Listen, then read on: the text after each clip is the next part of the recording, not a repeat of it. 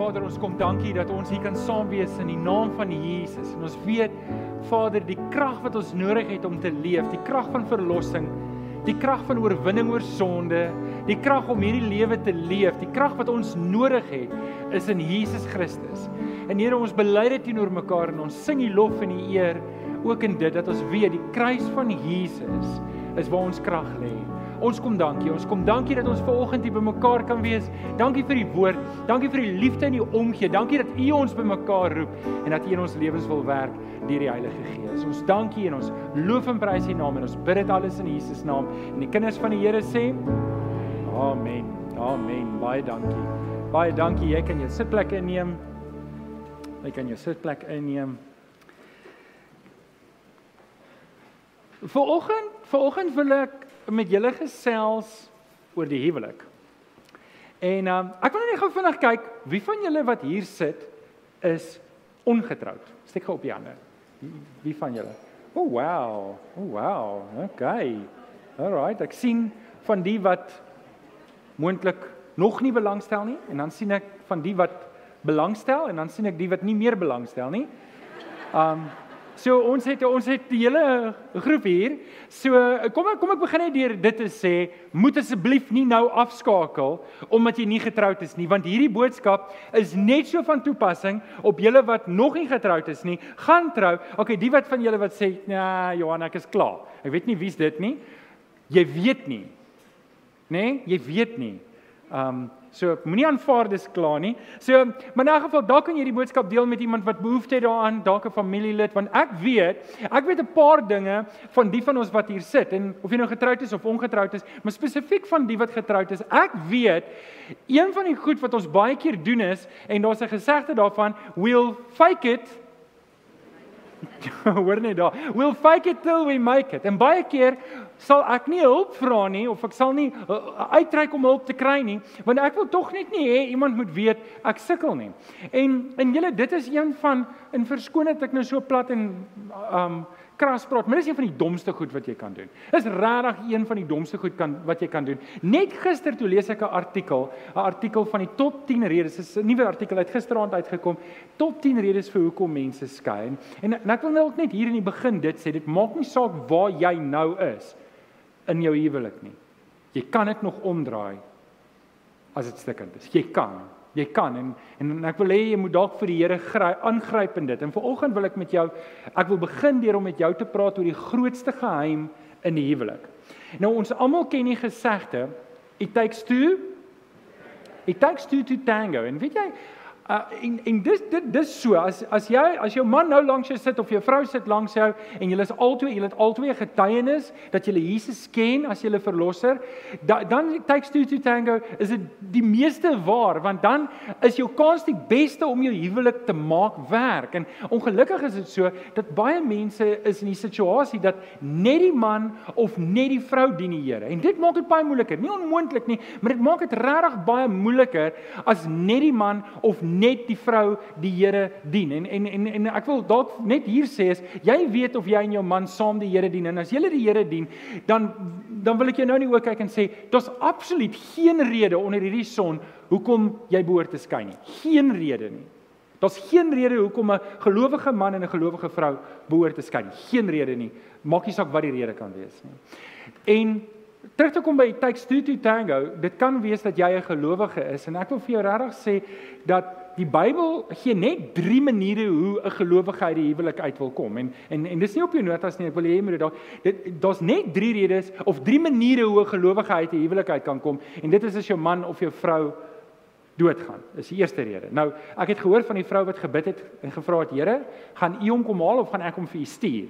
Um Ek praat nie daarvan nie. Ek praat nie daarvan nie. So, dis die eerste rede, dis die eerste manier hoe 'n gelowige uit die huwelikheid kom en dis wanneer die Here een van die twee kom haal. Dis die een, die ander ene is wanneer jou maat 'n seksuele verhouding gehad het met iemand anders, dan gee die Bybel vir jou toestemming om jou maat te los, maar dit beteken nie jy moet jou maat los nie. Jy kan nog steeds kies om te vergewe. En Hosea is 'n hele boek van dit waar daar 'n maat is wat ontrou is en die Here sê vir Hosea jy moet vergewe. Nou en hy wys iets van sy eie hart daar. Dis die tweede rede. Die derde manier hoe 'n gelowige uit die huwelikheid kan kom is as jou ongelowige maat aandring om te skei, dan sê Paulus jy moet daai persoon los. Moet dit nie vir hom moeilik maak nie want hy gaan dit vir jou moeilik maak. Maar kan julle hoor, daar is nie eintlik plek vir 'n gelowige om te skyn nie. Daar is nie eintlik plek vir 'n gelowige om te skyn nie. En en en dis waar ek ver oggend met jou wil praat. Nou, die grootste geheim in die huwelik. En dis wat ek ver oggend net mee wil begin. Dis my inleiding. Um wat ek met jou wil die grootste enkele, die grootste enkele geheim gaan ek nou met jou deel wat daar is oor die huwelik. Die grootste enkele geheim. Om om die waarheid te sê, ek wil ver oggend met jou deel die grootste enkele geheim ooit. Be prepared to be totally underwhelmed. en hierdie grootste geheim kry ons in Efesiërs 5 vers 21. En en ek wil net 'n paar minute op dit stil staan. Ek sien is 26 oor, so Kenneth het vir my 4 minute ekstra gegee om te preek. Waar's Kenneth? Kenneth, baie dankie. Ek waardeer dit. Ek gaan dit vat, broer. Um In Efesiërs 5 vers 21, jy weet jy het hom klaar gelees, né? Nee? Irma, jy het hom klaar gelees. Gee die enkele, die enkele grootste geheim vir die huwelik wat ek nou met julle gaan deel. En ek deel dit graag met paartjies wat wil trou. Ek deel dit met botter en wors, maar ek wil dit hier met jou deel en ek wil vanoggend behoorlik die pap dik aanmaak, want ek wil vir jou sê hier is die manier en dalk is jou huwelik nie op 'n goeie plek nie. Hier is jou geleentheid om dit om te draai. En ek hoop ek gaan hierdie vers vir jou mooi verduidelik dat jy oortuig gaan wees as jy uitstap dat dit is hoe my gesindheid moet wees oor die huwelik. So kom ons lees hom saam. Ehm um, Efesiërs 5 vers 21 op die telling van 3. 1 2 3. Wees Nee, jy hoef my sê Johan, wat s'e geheim nou daarin? Daar's niks daarin nie. Dis eers dis 'n wow versie. Dis maar net nog 'n vers. Wel, hierdie vers het die geheim vir die huwelik. En kom ek deel dit vir julle om. Ek gaan 'n paar woorde aan uithaal en ek gaan 'n bietjie met julle praat daaroor. So, wees uit. Wees uit eerbied vir aan mekaar OK, so kom ek breek hierdie vers gou vir jou op voordat ek kom by die res van my preek. So hierdie is my pre-preek. Jy gaan ekstra kollekte moet gee vir oggend vir hierdie ene, hoor, want dit is baie belangrik. Okay. So 'n paar waarnemings wat ek uit hierdie vers uit wil haal, wat ek vir jou wil sê rondom jou huwelik en jou voornemende huwelik vir die van julle wat verloof is of verloof gaan raak of iewers in die toekoms eendag gaan trou mag trou. So, die eerste vers wat die eerste woord wat ek hier wil uithaal is die woord onderdanigheid. Dis 'n baie onpopulêre woord in ons samelewing en maar dis nodig dat ons hier hierop moet uitbrei. Die, die, die Griekse woord daar, hypotasso, is is dieselfde woord woord wat Paulus gebruik vir die slawe wat hy vir slawe sê jy moet onderdanig wees aan jou eienaar. Nou wat min mense weet is want ons ken nie slawerny nie. Ons ken werkgewer en werknemer. Baie keer wie van julle voel soos 'n slaaf by jou werk? Ek wil net sien. Okay, so jy het 'n gevoel daarvan, maar in daai tyd was dit wettig. Daar was wette wat die slawerny bestuur het. So met ander woorde as ek 'n slaaf was en waarskynlik het ek 'n slaaf geword omdat my pa en ma slaaf was, so as ek as as ek 'n slaaf is en ek trou met 'n 'n slaafin en ons te kind dan word word die kind lewenslange slaaf van die eienaar. Nou okay, die Jode het sekere wetgewing gehad, nou elke 7 jaar is daar 'n jubeljaar en dan kon hulle dit vrylaat, maar in die wêreld, in die sekulêre wêreld was dit anders. So dis 'n manier hoe ek 'n slaaf geword het en nog 'n manier hoe ek slaaf geword het is dat ek het ek het soveel skuld gemaak dat ek dit nie kan betaal nie, dat my skuldeiser my vrou, my kinders en my gaan verkoop het as slawe. En dan behoort ek aan die eienaar dan behoort ek aan die eienaar. En as ek aan die eienaar sou behoort, dan is ek volgens wet verplig om onderdanig aan hom te wees. Nou, die woord onderdanig is om onder beheer te staan. Maar hierdie beheer is totaal en al, dit is soos 'n eysterhand waaronder ek staan. Nou, dis interessant dat Paulus hierdie woord gebruik in Efesiërs 5 vers 21. Dit is interessant want hy sê wees uit eerbied aan Sê gou weer daai woord. Kan almal dit saam sê?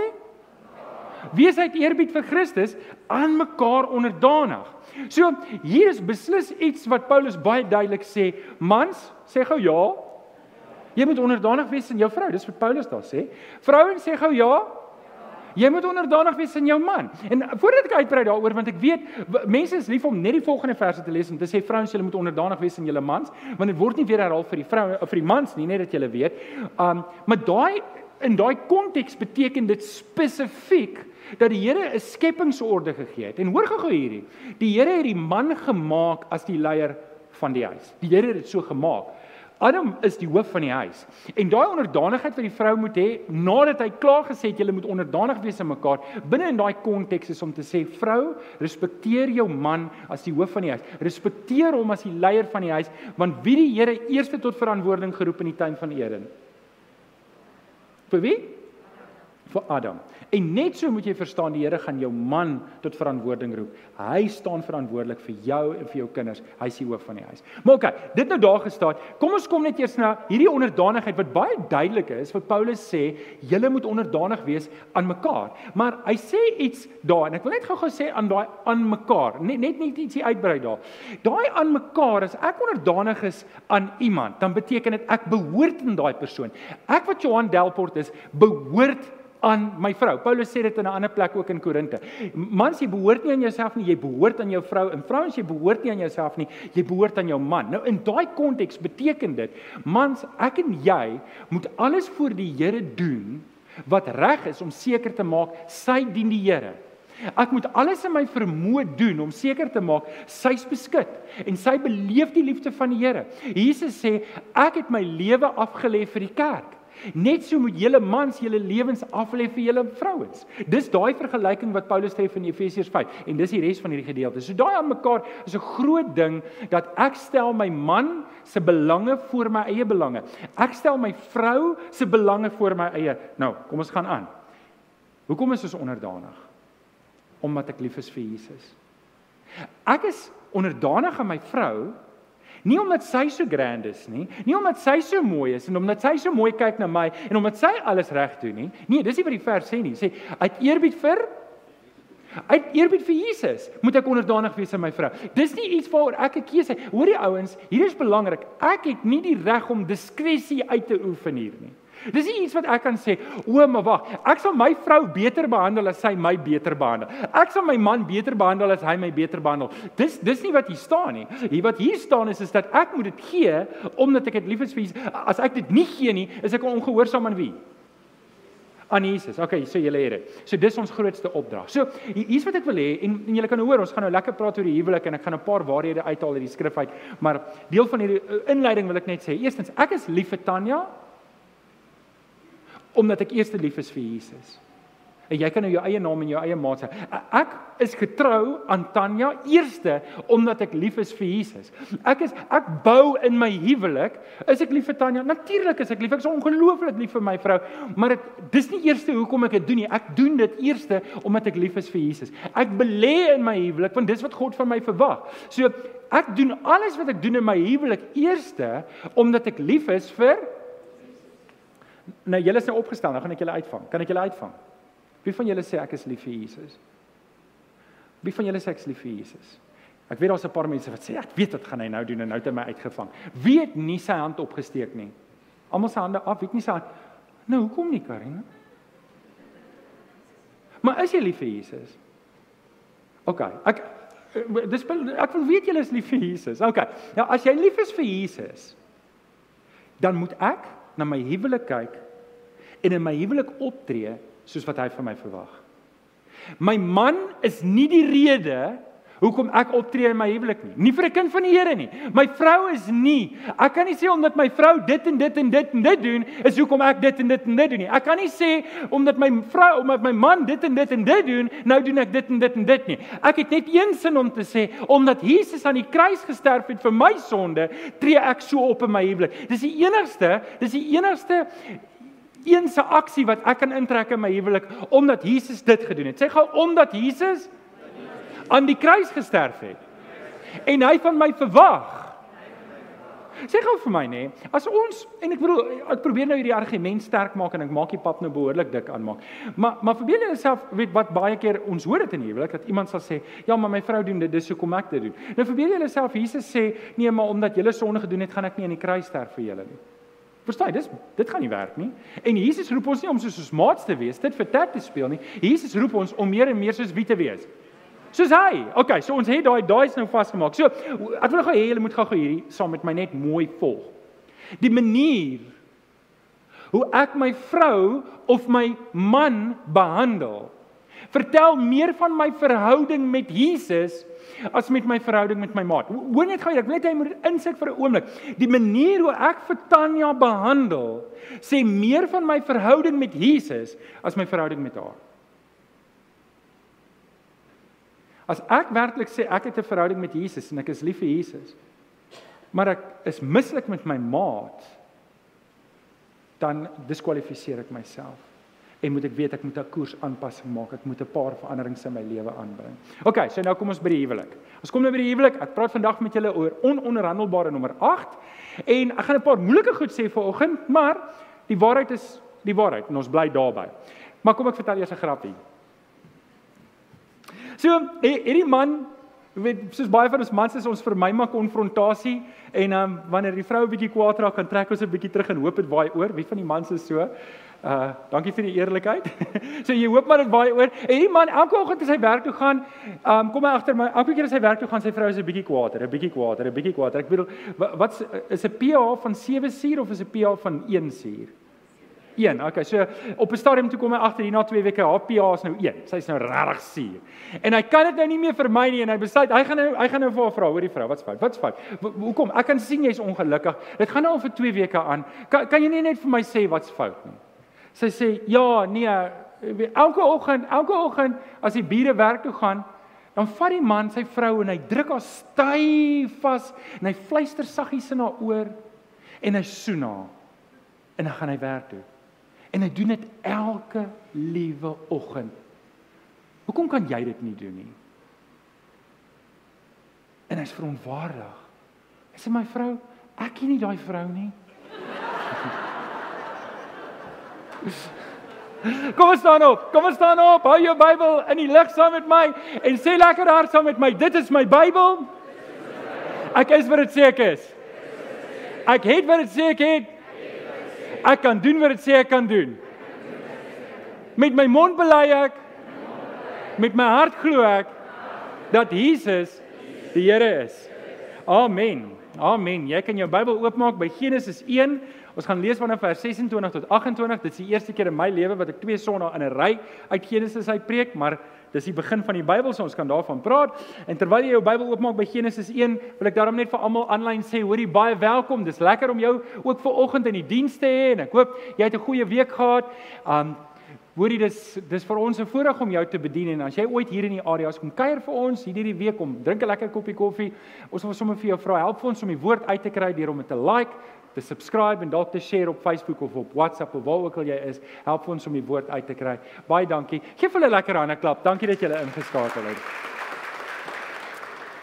Nou ja, kom ons lees saam Genesis 1. Ons lees 'n paar verse saam vanaf vers 26 en ehm um, die verhaal hier is die skepingsverhaal en ons kom nou by die deel waar die Here vir Adam en Eva maak. Toe het God gesê, Kom ons maak die mens as ons verteenwoordiger. Ons beeld sodat hy kan heers oor die visse in die see, die voëls in die lug, die makdiere, die wilde diere en al die diere wat op die op die aarde kruip. God het die mens geskep as sy verteenwoordiger. As beeld van God het hy die mens geskep. Man en vrou het hy hulle geskep. Toe het God hulle geseën en vir hulle gesê: Wees vrugbaar, word baie, bewoon die aarde, bewerk dit. Heers oor die vis in die see, oor die voëls in die lug, oor al die diere op die aarde, ook die diere wat op die aarde kruip. Nou net daai paar verse. Ek wil vanoggend met jou vier waarhede deel wat ons uit die Bybel uit kry rondom die huwelik. En en vriende, miskien Miskien is van hierdie goed 'n bietjie kontroversieel, maar ek wil hê jy moet weet waar my hart is en hoekom ek die goed sê wat ek sê.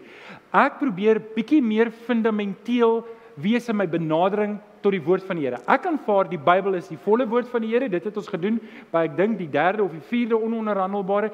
Ek aanvaar die Bybel is die finale gesag vir my lewe en daarom met my voorkeure en my wêreldbeskouing en die dinge wat vir my lekker is en nie lekker is nie, het het geen finale sê in my lewe nie. Die woord van die Here het die finale sê. Nou ek wil hê jy moet dit hoor van my want wanneer jy hier sit, is dit die woord wat jy gaan kry. En ek gaan jou uitdaag om jou lewe in te rig volgens die woord. En ek kyk na die wêreld daar buitekant, hoe lieflik reën dit nou. Ek kyk na die wêreld daar buitekant deur die Bybel en ek benader die wêreld daar buite deur die Bybel en ek gaan jou aanmoedig om dieselfde te doen. Dis die pad wat ons gemeente stap. En as jy anders voel in enige opsig, is jy welkom om nog steeds hier te wees, maar ek wil net hê jy moet weet waar ek staan en waar die leierskap van die gemeente staan. So dit gesê, vier Bybelse waarhede wat ons uit die Bybel uit kry gaan vir jou wys waar ons dit kry. Is jy reg? Het jy raamwerke? Nommer 1. Die eerste Bybelse waarheid rondom die huwelik en dit is die huwelik is heilig. Die huwelik is heilig. Hoekom sê ons dit? Waar? Want die Here, ons God, is die argitek van die huwelik. Die huwelik was sy idee. Nou, kom ek gee dit gelyk. Die huwelik is nie net vir gelowiges nie. Die huwelik is vir die mens. God het die huwelik vir die mens gegee, want God het nie net mans geskep en vir hulle geprogrammeer hulle moet gelowiges wees nie. Hulle het die keuse, net soos wat elkeen van ons 'n vrye keuse het met wie ons wil trou, het ek en jy 'n vrye keuse of ek 'n kind van die Here wil wees en of ek dit nie wil wees nie. Maar die huwelik is gegee vir die mens en dis hoekom ons sê dis heilig, want God was die argitek daar agter. En in Maleagi 2 vers 14 lees ons die woorde: "Die Here was 'n getuie tussen jou en die vrou van jou jeug." Nou, ek het baie keer um in my vroeë dae in die 90's en ek dink dis 'n ding wat nog steeds rondloop, waar 'n jong meisie en 'n jong ou sal sê: "Luister, as ek en my meisie in ons kamer gaan en ons maak 'n belofte voor die Here en ons slaap saam, dan is ons getroud." Jy kan dit dalk sê, maar dis nie wat die skrif leer nie. Om die waarheid te sê, die skrif is baie duidelik dat die seremonie wat vooraf gaan, soos wat beskryf word in Hooglied, so by the way, ek glo Hooglied is regtig van die huwelik en nie op die kerk van toepassing nie. Um ek glo uh, dat dat die hele Levitiese beskrywing en die hele Ou Testamentiese beskrywing wat bevestig word in die Nuwe Testament, wys daarop dat daar 'n paar goed belangrik is vir 'n huwelik om plaas te vind. As daar is is daar 'n verloofde, ah ja, uh, uh, al nou en Marie kinders. Sorry, ek gaan julle nou as voorbeeld vat want julle is nou verloop. Maar vir hulle toe om verloof te wees, moet daar 'n paar goed gebeur en en in die Ou Testament het dit so gewerk. Um al nou jou ouers moet hierdie huwelik goedkeur. En die rede daarvoor is want um jy is so verlief al nou, jy kan jouself nie help nie en ek bedoel Marigien en jy dieselfde en en die ding is jou ma en pa Marigien ken jou die beste en hulle sal kyk na al en hulle sê my kind ons weet nie mooi nie. Ons weet nie mooi nie. Ons ken jou en julle is so verlief. Julle sien nou niks. Wie van julle was al so verlief? Jy was so verlief jy het geen Wie van julle was al verlief op iemand maar daai huwelik ag dit daai verhouding moes nie gebeur het nie. Wie van julle was al Nou niemand nie. Almal okay, alright, alright. Okay. En dis die punt. Dis hoekom in die Bybel is dit belangrik. Dis hoekom Isak self vir sy vrou, ag vir sy vir sy seune kind gaan uh, Abraham gaan kies self vir sy kind 'n vrou. En die rede daarvoor is want hy weet wie sy kind is en hy weet wat hy soek. So so daar's beslis die familie moet inspel. In ons geval moet die medegelowiges inspel. En en dis belangrik. Eintlik wat moet gebeur is as ons volgens die Bybel gaan en volgens Korinte gaan, moet ons half en half as jy as jy wil trou, moet jy jou maatjie eers kerk toe bring en ons moet daai maatjie goedkeur. Nou dit klink bietjie soos 'n sekte, né? Klink so bietjie na 'n sekte. Maar eh, en die rede daarvoor is want ons wil kan sien daai 'n gelowige. Ons wil kan sien maar daai persoon stap 'n pad met die Here. En want want dis die die die realiteit is, hier's die realiteit. As verliefdheid nie deel was van die verhouding nie, sou ons baie minder huwelike gesien het. Dis 'n grappie wat julle nie voorlag nie, maar dis die waarheid. Um weet verliefdheid is die manier om ons half en half net daai stampie te gee om te sê kom nou al nou man, trou nou met die vrou. Maar ons het, en julle is nou net my voorbeeld want julle sit nou voor. Sorry daaroor al nie. Maar hier's die punt daarvan en dit is ons het ander mense in die gemeenskap nodig, in die geloofsgemeenskap nodig om vir ons te sê, "Wow, ek sien dit. Is jy seker hieroor?" Maar dan's daar nog 'n ding En daar is 'n seremonie nodig. Onthou Jesus was na die bruilof. Okay, hy het wyn gemaak en ek weet daar's baie debat oor daai wyn, maar ek is nou jammer om vir julle te sê die wyn het waarskynlik regtig alkohol ingehaal vir die van julle wat wonder. So dit sou 'n regte egte Kaapse troue gewees het. Um maar Jesus bevestig met sy teenwoordigheid dat die seremonie reg is. En dis goed. Dis wat die Here wil hê. En in Maleagi, hierdie vers wat ons nou lees, sê die Here eintlik meer, luister jong man, Luister, waar's 'n man? Nou kan ek nie op al nie want hy's nog nie getroud nie, maar waar waar's 'n man wat nou nie omgee om opgepik te word nie? Johan Maree. Johan Maree, die Here wat sê hierso, ek was 'n getuie toe jy aan Anneke die belofte gemaak het. Ek was daar. Ek was een van die mense, ek was een van die persone, die mense, een van die persone wat daar was. Ek was 'n getuie. Nou oké. Okay, so die huwelik is getuie en uh, is is heilig. Hebreërs 13 vers 4 lees ons hierdie woorde. Die huwelik moet deur almal Die huwelik moet deur almal eerbaar gehou word. Wees in die huwelikslewe getrou aan mekaar, want ontuigtes en egbreekers sal onder die oordeel van God kom. Nou, ek wil net gou-gou hê julle moet weet, hier's twee mense hier wat genoem word. Ontuigtes, dis mense wat deelneem in in flirtery en rondkykery. Hulle gee hulle hart vir iemand anders. Hulle gaan hulle gaan enigiets wat kort is van om in 'n buiteegtelike verhouding in te gaan. En so dis nie net die ontigtes nie of net die egbreekers nie. Egbreekers is iemand wat dan nou in 'n seksuele verhouding met iemand anders buite die huwelik is. Hy sê hulle sal wat met hulle gebeur? Hulle sal hulle sal onder die oordeel van God kom. Paulus sê op 'n ander plek, hulle sal nie die koninkryk van God sien nie. Nou ek wil gou-gou hê jy moet hierdie verse vat want ons gaan nou-nou praat 'n bietjie oor die oordeel van God en ongelukkig moet ons dit doen. Maar ek moet vir myself sê, as ek ontig is, Ek kyk na ander vrouens, ek kyk na ander mans. My vrou, my hart behoort nie net aan my vrou nie, my hart behoort aan iemand anders. Dan moet ek weet ek staan onder die oordeel van God. Ek gaan die hemel mis. Hier is een van die plekke waar ek die hemel kan misloop en dis is as ek nie die huwelik heilig hou nie. Gou-gou mooi, ek wil dit gou gewees sê. As ek in 'n buiteegtelike verhouding met my oë, met my hart en met my verstand is, ek gaan nie hemel toe nie. Ek is verlore. Dis wat hierdie vers sê. Dis hoe ernstig ons moet wees oor hierdie goeters. OK. Die woord eerbaar is die Griekse woord timios wat eintlik die Loue Naida sê something of considerable worth. Um dis hoe die Here na jou huwelik kyk. Nou, die van julle wat getroud is, vat net gou-gou jou vrou se hand asseblief. Vat net gou-gou. Jou huwelik is vir God timios. Sê timios. Timios, dis kosbaar. It's something of considerable worth. Dis iets wat vir die Here heilig is. Dis iets wat vir hom mooi en reg is. So, daarom moet ek hierdie huwelik moet deur almal eerbaar gehou word. Die huwelik moet deur almal eerbaar gehou word. So die eerste plek, ek moet my huwelik eerbaar hou. Ek moet seker maak dat my huwelik reg is vir die Here. Ek moet belê, ek moet onderdanig wees aan my man, ek moet onderdanig wees aan my vrou en ek moet seker maak ek belê in my huwelik. Hoekom? Omdat ek lief is vir Jesus. Okay, julle het dit. So ek moet myne, maar ek moet ook joune weet ek moet nou nie daarso op geheime WhatsApp stuur vir Marigen en sê Marigen, hallo? Hallo Marigen. um ek moet uit hulle huwelik uit bly. Dis hulle huwelik. Ek amper sê ek eers ek stuur vir jou WhatsApp, maar dis nou nie van toepassing nie. Ek moet ek moet jou huwelik eerbaar hou. Die huwelik moet weer ek moet 'n ander ou se huwelik net so respekteer soos my huwelik. Um en dan en dan want dis vir die vers beteken en ander. Ek moet my lewe instel om 'n platform te bou waarop as mense met my in aanraking kom dat ek as te ware as 'n mentor kan wees om vir hulle te wys hoe behoort 'n huwelik te lyk. Nou oké. Want is kosbaar voor die Here. So die huwelik is heilig. Nommer 2. Die huwelik is tussen een man en een vrou. Hoeveel Adams was daar? Hoeveel Evas was daar?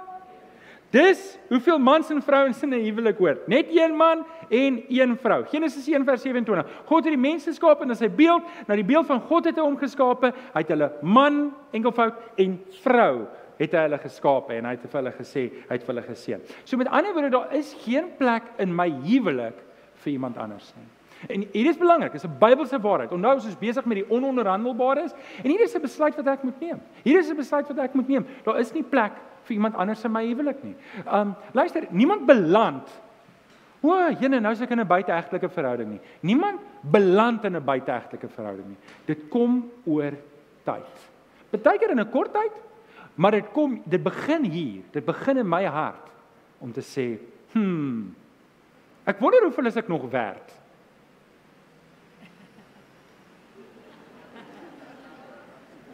Gelukkig is ek nie so mooi ouetjie nie, met half bles en bietjie van 'n boek. Um maar maar weet dis waar dit begin. Dit begin in my hart deurdat ek sê ek wonder of iemand nog van my sal hou. En en dan begin ek my hart en my oë en my ore buite my huis sit. En en dis waar dit begin. Dis waar dit so hier is belangrik dat ek moet weet. As ek daai keuse as daar 'n ring in my vinger is en ek het die belofte gemaak, was die Here daar. Hy is die getuie en ek bly getrou aan my maat omdat ek lief is vir Jesus. Nie eers omdat ek lief is vir hom nie. Wie van julle wat hier sit wat nog getroud is, wat nog getroud is, het al deur 'n moeilike tyd gegaan in jou huwelik? Steek asseblief jou hand op. As jy guts het, staan op. As jy sê, as jy sê ek het al deur 'n moeilike tyd. Ek wil jou nie op die spot sit nie, maar ek wil hê die mense moet dit sien. Wie van julle het al deur 'n rowwe patch gegaan in jou huwelik? Ek staan omdat ek eerste staan. omdat ek het wie van julle het. OK, dankie, Rian. Ek dit vat gas, die mense staan en sit nou vinnig. Um ek staan omdat ek deur 'n rowwe patch gegaan het. En weet jy wat? Daar's net wat sê hulle, drie tipes mense. Die wat deur 'n rowwe patch is, die wat deur 'n rowwe patch gaan en die wat nog deur 'n rowwe patch gaan gaan. OK?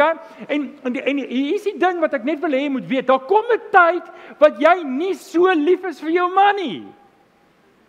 Daar kom 'n tyd wat jy nie meer so lief is vir jou vrou nie, maar dis oukei, okay, want jy's nie vir jou man of vir jou vrou uitsluitlik omdat jy lief is vir hom of vir haar nie, maar eerste omdat jy lief is vir Nee, maar jy moet dit harder sê asseblief. Eerste omdat jy lief is vir Jesus. OK, en dis 'n belangrike ding wat ek wil hê jy moet kop net hierso, want te veel mense sê, "OK, jy skei, hoekom skei jy? Want ek is nie meer lief vir hom of vir haar nie."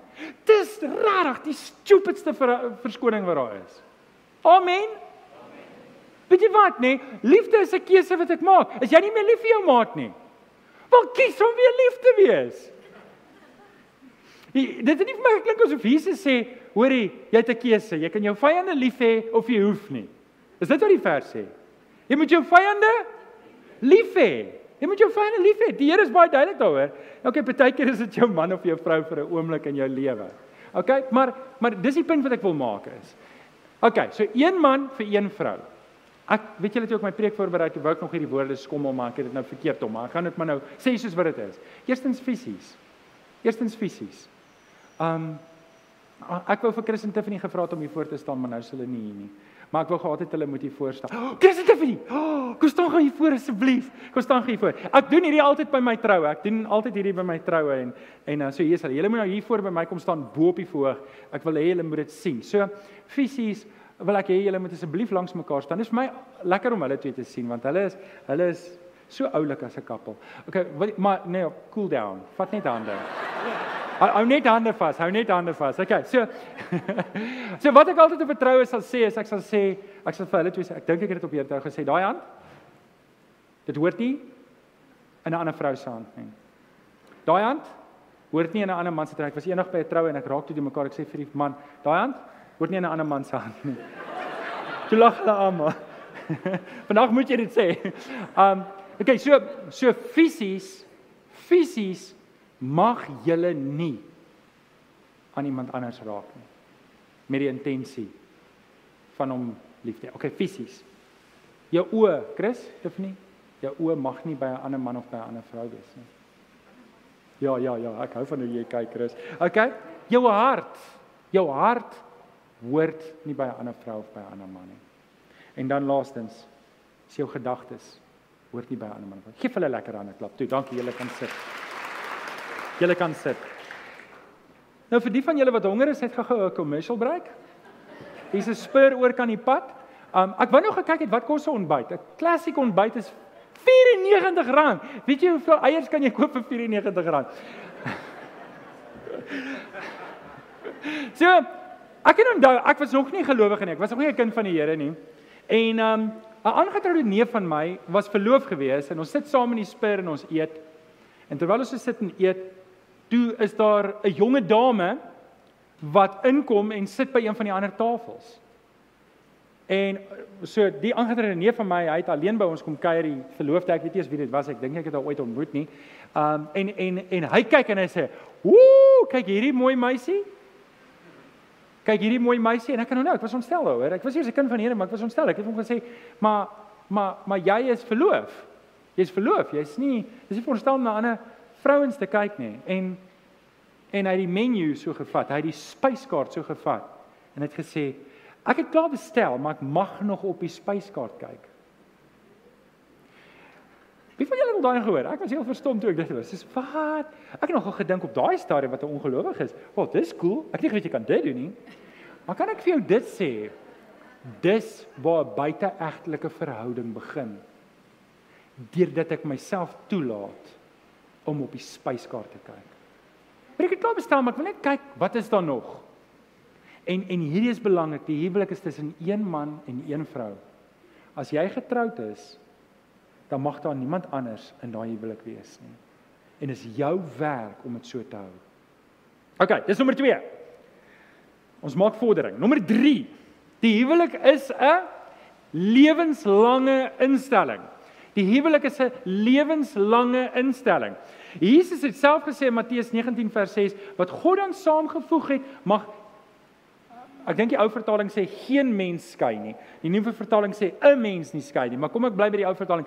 Dit wat God aan saamgevoeg het, mag sê net saam geen geen mens skei nie. Dit beteken ek en jy mag nie skei nie. Ons mag nie skei nie. OK? Natuurlik, ons sal 'n bietjie uitbrei daaroor. Ons het daaroor gebeur. Nou, ek het nou gedink, lank terug was daar Burlap to Kashmir. Dis 'n uh, ek weet nie 'n Griekse of Italiaanse Christelike orkes en hulle het 'n liedjie ge, gesing wat gaan oor die Bybel. Nou die van julle wat nog nie die akroniem ken nie, gaan ek dit nou gee. So jy kan jou raamwerk omdraai en dit neerskryf as jy dit nog nie het nie vir die van julle wat dit weet. Weet julle weet waar verstaan Bybel? Wil julle raai? So dit staan vir basic instructions before leaving earth. Is dit nie oulik nie? So dis wat die Bybel is. Die Bybel is 'n gebruikershandleiding. Nou as jy 'n nuwe yskas gaan koop by Makro, jy gaan daar en jy bes Jy het julle gesien wat kos yskaste deesdae.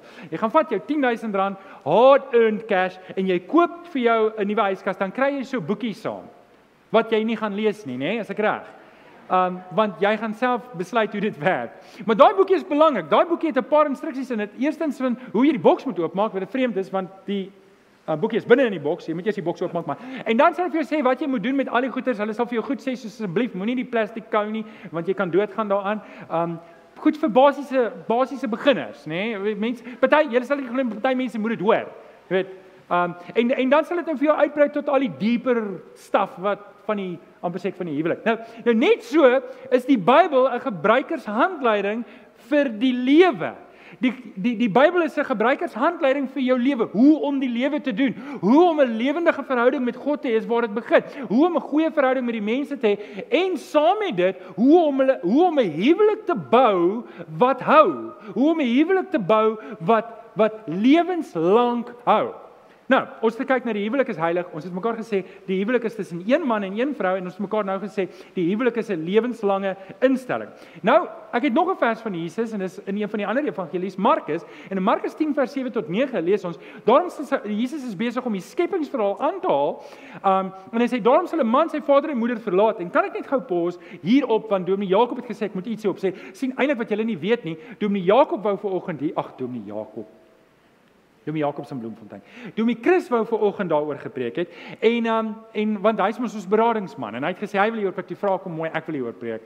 En toe sê ek kan my oor preek. Toe sê hy maar ek moet iets hieroor sê. En en hierdie hierdie is die leaving gedeelte van die huwelik. Nou by Botter en Wors, dis ons voorhuwelikse kursus wat ons aanbied, sê ons hierdie ding baie duidelik. En dit is daar is nie plek vir iemand anders in jou huwelik nie. Nou, dis nie net 'n ander man of 'n ander vrou nie, maar dis jou vir mans jou ou golfvriende. Jy mag met hulle vriende wees en saam met hulle gaan golf speel, maar dit mag nie inmeng in jou huwelik nie. Vrouens jou jou keer dames. Ek weet nie wat doen vrouens nie. Jou jou rooibos tee dames. Ek weet nie wat het vrouens nie. Ek is nie 'n vrou nie. Maar jou jou jou ges, want dis die probleem. Baie keer het en dis ongelukkige kwaal wat vrouens het. Mans het ander kwale, maar vrouens het baie huweliksberading beraders. Hulle vriendinne. Maar hulle is gewoonlik nie baie goeie huweliksberaders nie. Mans sê 'n bietjie amen. Meneer sê dit met 'n diep stem. Amen. Okay? So so dames, daar's nie plek vir jou vriendinne binne in die huwelik nie. Jy mag vriendinne hê, maar nie binne in die huwelik nie. Daai is heilig. Dit moet wees daai daai weet hulle is jou vriendinne mooi. Hulle is jou vriende mans mooi, maar hulle mag nie inmeng en insaai hê in daai heilige binnekring nie. OK? Net so mag jou ma of jou pa nie 'n sê binne in jou huwelik nie. As die man en vrou, as jou seun en skoondogter of skoondogter en skoon, dan weet ek nie wat ek sê nie, maar as hulle jou nooi om insaat te hê, dan mag jy insaai hê. Andersins is jy nie welkom daar nie. OK? Toe my Christus sal trots wees op my. So daarom sal 'n man sy vader en moeder verlaat. Dis nie waar ek wou preek nie, maar daar's nog 'n bonus vir julle. Saam met sy vrou lewe en hulle twee sal een wees, sodat hulle nie meer twee is nie, maar een. En dan sê hierdie woorde wat God dan saamgevoeg het, mag 'n mens nie skei nie. Jy hoor as 'n ewe is 'n lewenslange instelling. Ongelukkig in die tyd waar ons leef is alles so en ek kry nie 'n lekker Afrikaanse woord vir weggooibaar, disposable. Alles is so disposable. Weet jy wat? Hierdie huwelik werk nie meer vir my nie. So ek's uit. Ek's uit. Ek wil nie meer daar wees nie. En en en en en ongelukkig spoel dit deur in ons verhoudings en En dit kan nie so wees nie. As kind van die Here en ek weet nie wie jy is en waar jy is nie. En dalk is jy die enigste gelowige in julle huwelik. Dis net jy wat 'n kind van die Here is. Dan rus daar 'n sterk um verantwoordelikheid op jou om seker te maak jy doen dit reg. As kind van die Here mag ek nie die inisiatief neem om te skei nie behalwe vir 'n buiteegtelike verhouding van my ma. Ek mag nie die inisiatief neem nie. Die Here verwag van my. Sê net gou-gou saam met my, ek mag nie. Sê dit asof jy dit bedoel. Ek mag nie. Ek mag nie. Ek mag nie die inisiatief neem om te skei nie. 1 Korintiërs 7 en kom ek sê net gaan vinnig vir julle 'n bietjie agtergrond van Korintiërs. Net net dat julle weet wat hier aangaan. So want want ongelukkig skryf Paulus baie lang stukke en hy skryf vir die vrouens en dit het ons mans om gemaak. Ja, kyk kyk wat sê die Bybel vir die vrouens en dit lyk of daar niks gesê word vir die mans nie. Maar binne in daai konteks van Korinte sê Paulus en nou kom ek by die goed waar julle vir my geskryf het. En dis die vrouens wat vir hom geskryf het want hier was klomp vrouens in die gemeente wat getrou was met ongelowige mans en hulle wou geweet het, kan ons maar skei? Ek het net tot bekering gekom. Ek sou nooit met hierdie man getrou het as ek geweet het ek gaan tot bekering kom nie. En hier is my kans, ek kan uit. En Paulus sê nee, jy kan nie skei nie. Om die waarheid te sê, Paulus vat dit veel verder as wat enige iemand anders in die skrif vat. In 1 Korintiërs 7 vers 39 sê, 'n vrou is aan haar man gebind en mans, jy en jou vrou ook. Hier is nie net vir vrouens nie, dis vir mans ook. Dit sê toevallig was dit die vrouens wat gevra het, as dit mans wat geskryf het, het hier gestaan mans. 'n Vrou is aan haar man gebind solank as hy lewe. As hy sterwe, is hy vry om te trou met wie sy wil, mits dit met 'n So ons kry twee belangrike goed uit hierdie vers uit. Eerstens, al is jy nou getroud met 'n ongelowige, mag jy hom of haar nie skei nie. Jy mag nie.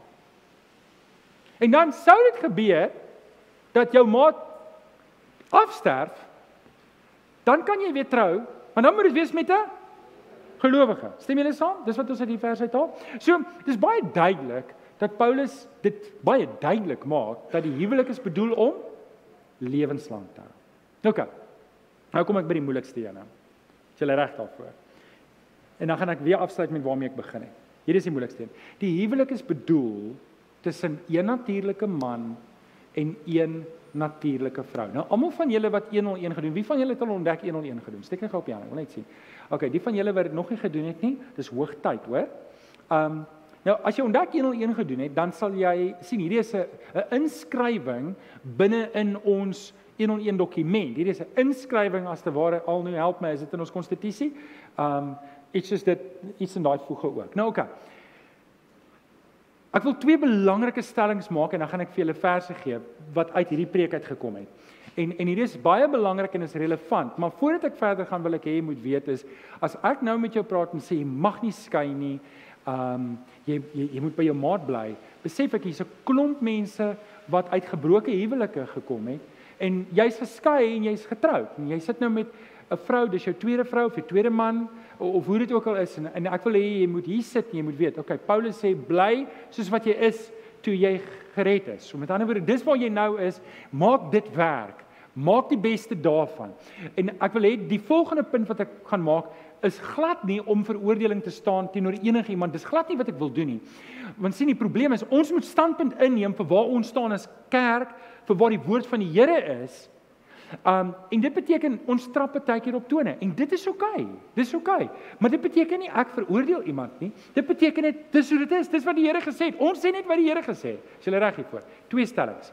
Eerste belangrike stelling en hierdie is belangrik. Seks is heilig. Dis uitsluitlik bedoel vir die huwelik. Stem almal saam. Dis wat die Bybel leer. En vir die van julle wat wonder want net om daai laaste spyker in die kus te kap van ja maar seks is eintlik die die Engels is validation van die huwelik. Met ander woorde wanneer ek met my meisie geslaap het dan soos ons getroud. Nee, Levitikus sê as 'n jong man met 'n vrou geslaap het, 'n jong vrou geslaap het, dan moet hy die volle huweliksprys betaal en met haar trou. Hier seks is nie trou nie. Ek probeer dit sensitief sê want jy sensitiewe ore, maar jy het ook nodig om dit te hoor. OK, so seks is heilig. Dis uitsluitlik bedoel vir binne in die huwelik. Nommer 2. Die Bybel sê huwelik is slegs moontlik tussen een natuurlike man en een natuurlike vrou.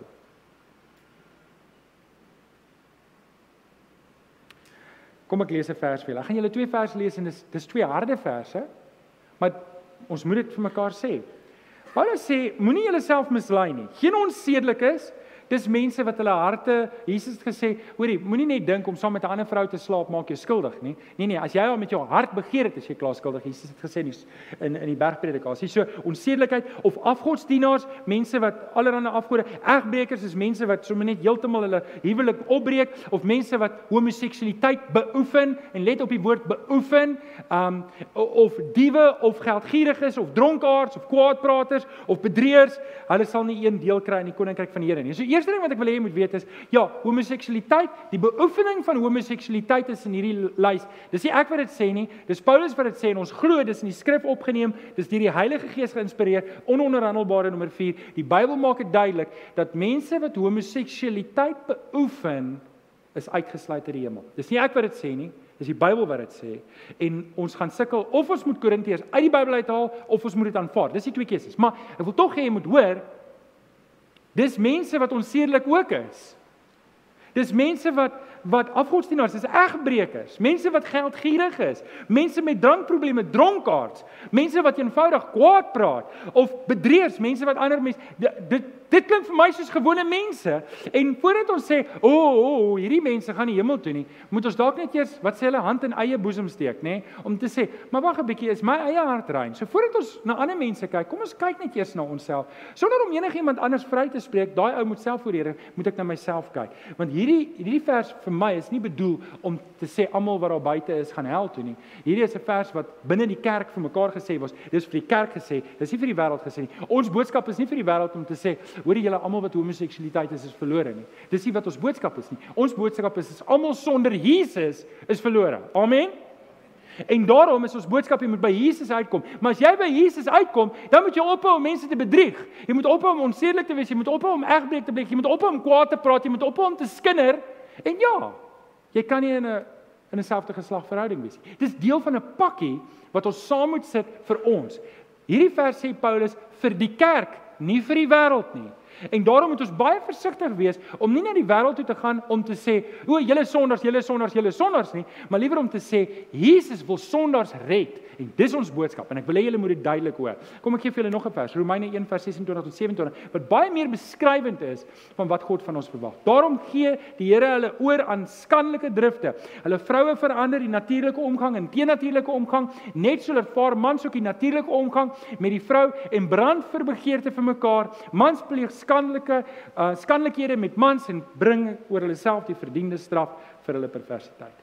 Nou oké. Okay, dis twee moeilike verse wat ek gelees het en die rede hoekom ek dit vir julle lees is want dis vir ons as gemeente 'n ononderhandelbare vir waar ons staan rondom die huwelik. En dit is hoekom ek nie selfde geslag huwelike doen nie. Nou, is dit verkeerd vir 'n man om 'n man lief te hê? Nee, eers ek is lief vir jou. Ek hoef nie met iemand te slaap net omdat ek lief is vir hom nie. Hoor julle? Ek weet is sensitiewe goed, maar dis wat ons vir mekaar moet sê. Ek kan ek moet lief wees vir Here, as ek moet lief wees vir almal van julle. Maar dit beteken nie ek hoef met almal te slaap vir wie ek lief is nie. En ek het 'n baie goeie vriend wat lief is vir die Here en hy kom uit 'n gay verhouding uit, verlang gay verhouding. En julle, ek weet nie hoe werk dit nie. Maar hy hy het gesê Johan, ek het tot bekering gekom en ek is lief vir die Here en ek sien wat die skrif leer. Maar dis nie so wat nou met 'n vrou wil trou en kinders wil kry nie. Ek is dit nie aangetrokke tot vrouens nie. Ek weet nie hoekom dit so is nie. Ek kan sy gebrokenheid sien. Maar kom ek sê vir julle, hy's op daai manier gebroken. Ek is gebroken op ander maniere.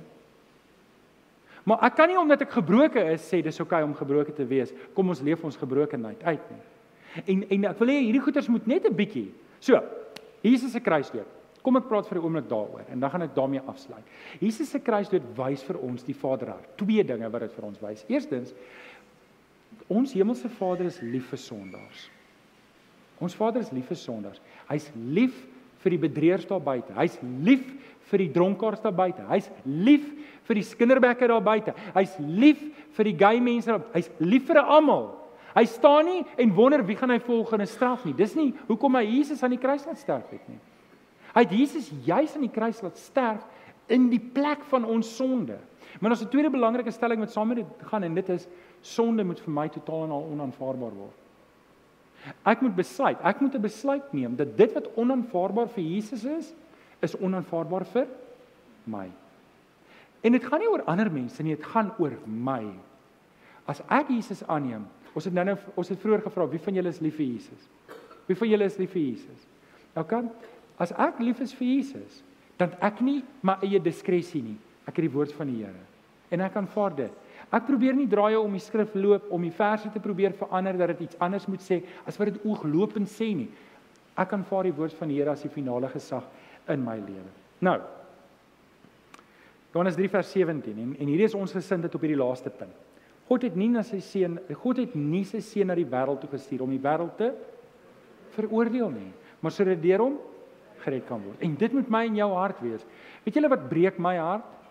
is hoe baie kinders van die Here haatlik optree teenoor die wêreld daar buite wat verlore is in hulle sonde. Uh, partykeer dan kan jy die dan kan jy die somme die bitterheid sien in gelowiges wanneer hulle praat oor ongelowiges. Dit hoort nie so nie. By my en jou moet ek en jy half en half jy sê wat het Jesus gedoen toe hy hierdie verlore persoon gesien het? Hy het aan die kruis gaan sterf vir hom. En hy het gebid, Vader vergewe hulle want hulle weet nie wat hulle doen nie. Dit moet my in jou hart wees. Teenoor mense, maak nie saak wat sy verlorendheid en wat sy sonde is nie. Stem julle saam, Jesus wil die mense daar buite red. En ons het een manier hoe ek en jy hulle gaan wen en dis nie deur veroordeling nie. Dis deur om Jesus se liefde te gaan wys. En dis wat ons roeping is. Nou oké. Okay. Nee, ek is bly hier is hier voor. Laastens, die grootste geheim van die huwelik, want dis eintlik waar ek wil uitkom. Ag ek hoop sy die Here vanoggend die boodskap gebruik om vir jou te bemoedig waar jy is. En ek gaan nou bid. Ek gaan nou bid en en ek weet dit is sensitief. Ek gaan nie laat julle opstaan die van julle wat huweliksprobleme het en sê ek gaan vir julle bid nie. Maar ek gaan vir jou bid en ek wil hê jy moet vanoggend jou hart oopmaak. Ek ek wil hê jy moet vanoggend hierdie vers in jou hart maak op jou huwelik, op jou verhouding. In Efesiërs 5 vers 21 om te sê ek gaan my maat lief hê soos wat Jesus hom of haar liefhet sonder diskresie. Ek gaan daai maat van my lief hê soos wat Jesus want ek is lief vir my maat. Ek is ek gaan die huwelik bou eerste omdat ek lief is vir Jesus. Kom ek bid vir jou. Vader, ek kom dankie vir oggend, Here, dat ons en ek weet hierdie is 'n moeilike boodskap en ons het soveel goed aangeraak rondom die huwelik en eintlik Here is hierdie reeks op sy eie, maar kom vra ek vir oggend, Here, U weet wie sit vir oggend hier en is 'n huwelik eintlik stikkend. En Here, uit selfverdediging maak ons maar of alles oukei okay is, maar ek weet hier in my hart dinge is nie reg nie. En Here, wanneer ek vanoggend kom vra dat U by my begin. Dan weet ek dis die gebed wat elkeen van ons moet bid. Here, begin by my. Soveel kere wil ons net hê U moet ons maats regmaak asof asof die fout by hulle is. Maar Here, ek kom vra vanoggend begin by my. Kom maak reg in my lewe. Kom maak reg in my die rede hoekom my huwelik stikkend is. Here, U weet in my hart begeer ek sodat ons gemeente 'n gemeente sal wees waar huwelike kan genees. En Here, U weet waar elkeen van ons stikkend is. En kom help vir ons, Here, dat ons nie hierdie probleem net sal ignoreer en net sal aangaan totdat dit nou heeltemal gebreek is en verlore is nie, maar dat ons vandag standpunt sal inneem en sê nee, die Here verwag beter van ons. Kom seën vir ons, Here. Ons vra dit mooi. Ons bid dit in Jesus naam. En die kinders van die Here sê Amen. Amen. Dankie. Kom ons staan. Kom ons staan en dan loof en prys ons die Here.